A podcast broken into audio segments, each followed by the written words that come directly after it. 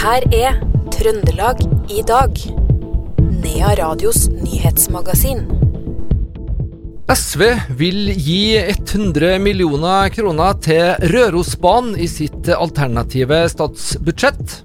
Og for åttende gang hedrer Trøndelag en eh, fremdragende reiselivsbedrift med trøndersk opplevelsespris. Dette er noen av sakene i Trøndelag i dag, fredag 10.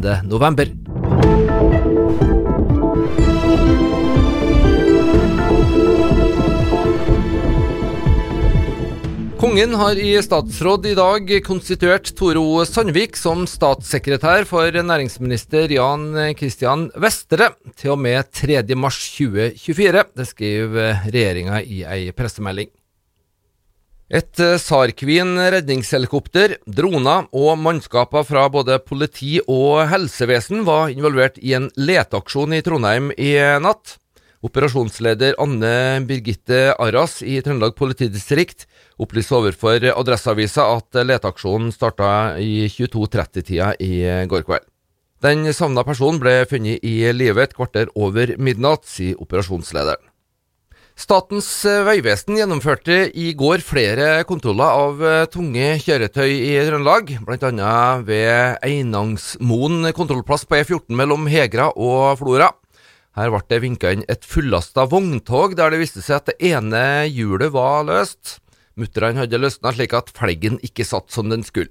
I dag har vi kanskje forebygga en eh, ulykke der det kunne gått riktig ille. Vi kan faktisk ha redda liv, skriver Vegvesenet i sin rapport fra denne eh, kontrollen.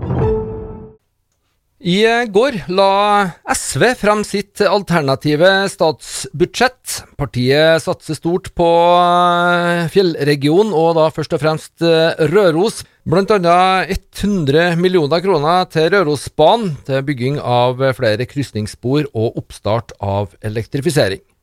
Her er varaordfører i Røros kommune, Kristian Eljon fra SV. Rett og slett veldig glad for at SV prioriterer mange saker som er viktig ikke bare for Røros kommune, men egentlig for en hel region, og jeg vil jo også si nasjonen som sådan. Uh, hvis jeg starter med det med Rørosbanen, da, som nå er ganske tungt prioritert for SV denne gangen, så er jo det ikke viktig bare for kommunene langs banen, men det handler jo rett og slett om nasjonal samferdsel og beredskap.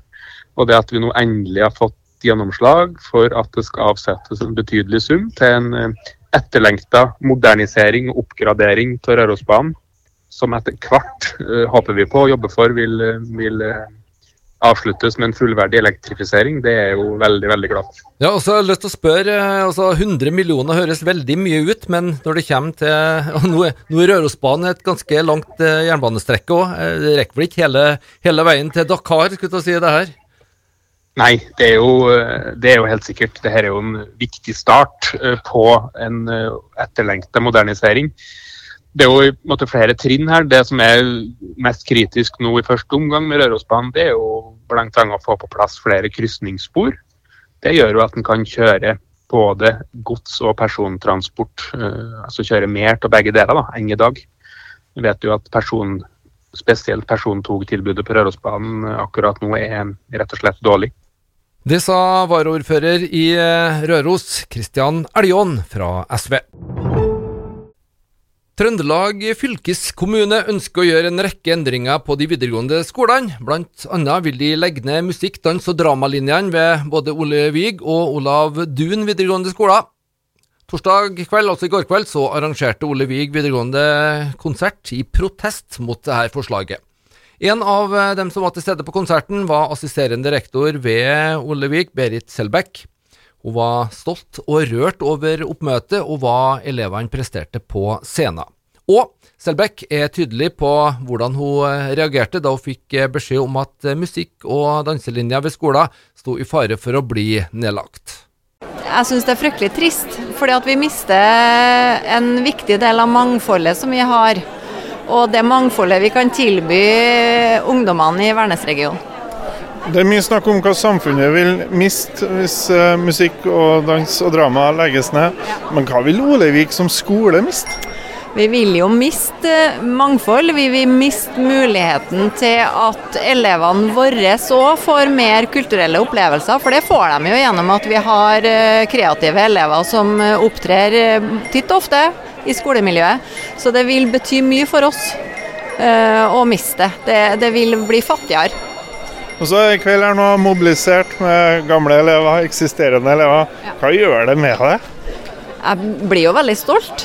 Også, eh, og rørt når jeg hører og ser både engasjementet og at de stiller opp. Det syns jeg jo er veldig flott. Godt å kjenne på den støtten.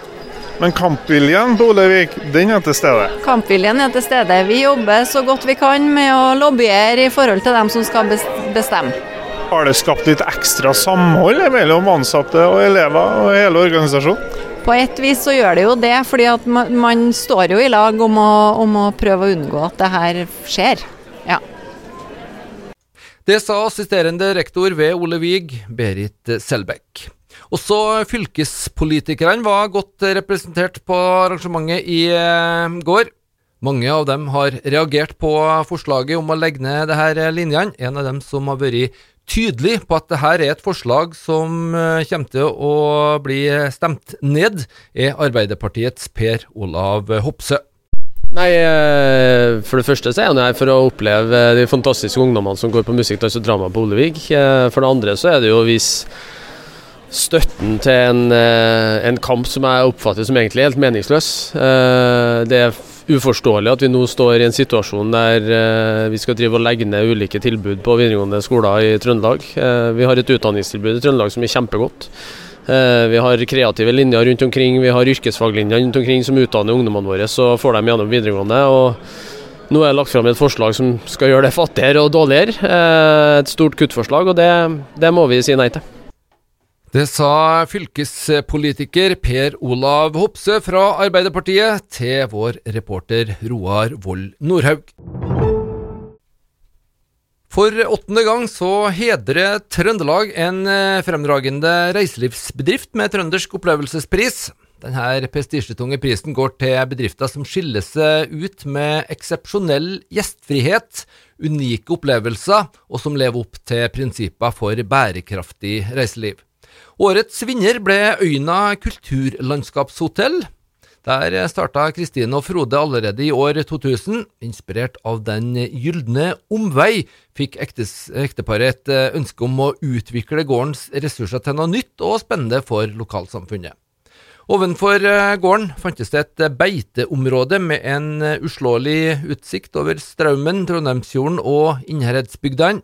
Men at de skulle få prisen, det overraska både Kristine og Frode. Nei, Etter hvert så kunne vi jo begynne å tro i hvert fall at det var oss som var nominert etter det vi hørte juryens eh, bedømmelse, men det er jo veldig artig da, når du får uh, bli oppropt og bli satt pris på på en vis i, i med så mange bra aktører som det er i Trøndelag. da. Ja, for eh, Blant 33 kandidater, eller nominerte, så er det dere som altså blir trampa fram og, og applaudert som vinner. Hvordan, eh, hvordan, føles det? Nei, Det føles egentlig ganske rart. Eh, vi må liksom bare begynne å tenke på hva vi faktisk har fått til noen ting da, i løpet av det året vi holder på. Så det setter vi stor pris på at folk ser. For dem som nå ikke har fått med seg hva Øyna kulturlandskapshotell er for noe, kan du kjapt dra oss gjennom det? det er kjappe. Ja, nei, eh, så Øyna ble etablert i 2005 eh, som en tilleggsnæring til landbruket. Eh, og så har vi jo da holdt på siden da og bygd i seks byggetrinn. Med hotell i 2020 og Skybar i 2022. Så, og det er jo en bedrift, en drøm som vi har hatt som vi har fått lov til å fullføre. Så det er jo ja, det er, det er litt uvirkelig. Det er egentlig ikke sigget inn helt ennå. Det sa til slutt eh, Frode Sakshaug, som ble intervjua sammen med Kristine Darling Sakshaug rett etter at prisen ble delt ut i eh, går kveld. Dette var ikke den eh, eneste prisen som eh, ble delt ut. Home of the Trolls fikk eh, prisen Trøndersk opplevelsesnyhet 2023. Dette innovative opplevelsesproduktet kombinerer teknologi, naturglede, storytelling og aktivitet på en enestående måte, og inviterer besøkende til å utforske Trøndelags kultur og natur på en unik måte. En av gründerne bak Home of the Trolls, Åse Burseth, satte stor pris på oppmerksomheten. Nei, det er noe, oss driver nå og roter med vårt oppe i Rindalen, da, så det er noe selvsagt uh, kjølig kjekt å høre at det er noen som ser at det er bra det å holder på med. det er det. Ja, og Anne, hva er det egentlig dere driver på med? Rett og slett trollforskning. Her kan uh, ungene og barnefamiliene komme til oss og få lov til å hjelpe oss med trollforskning, og få se troll i ja, på ordentlig, man kan jo si det. Til at de får det. Ja, og Hva er det seneste innen trollforskning? Nei, det er noe, altså, Trollforskning det sies nå sjøl at det er noe, altså, troll har eksistert så lenge at uh, det, det som er nytt for oss, det er noe selvsagt noe som har holdt på å kjøre lenge. Uh, nyeste er nå det at oss har fått teknologi som gjør at du faktisk kan se trollene nå. Så nå kan du få låne en trolldetektor. Hvis du kommer hos oss, og så tar du med trolldetektoren ut i felten, og så får du møte de ordentlige trollene. Det sa Åse Børseth, og hørte også Anne Nordli, begge fra Home of Trolls i Rindalen. Og reporter på anslaget var Roar Vold Nordhaug. Petter Northug dukka ikke opp til den klassiske sprintprologen under den finske langrennsåpninga i Muonio i dag formiddag. Northug hadde varsla at han skulle starte, men en skade satte stopper for deltakelsen.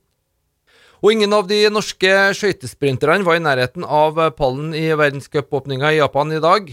Bjørn Magnussen fra Trondheim gikk inn til 13.-plass på 500 meter på tida 35.31, snaut åtte tideler bak vinner eh, Tatsuna Shinhama fra Japan. Og det var det vi hadde å by på i eh, Trøndelag i dag, fredag 10. november. Du finner dette programmet og alle andre program i denne serien også som eh, podkast. I eh, studio Per Magne Moan.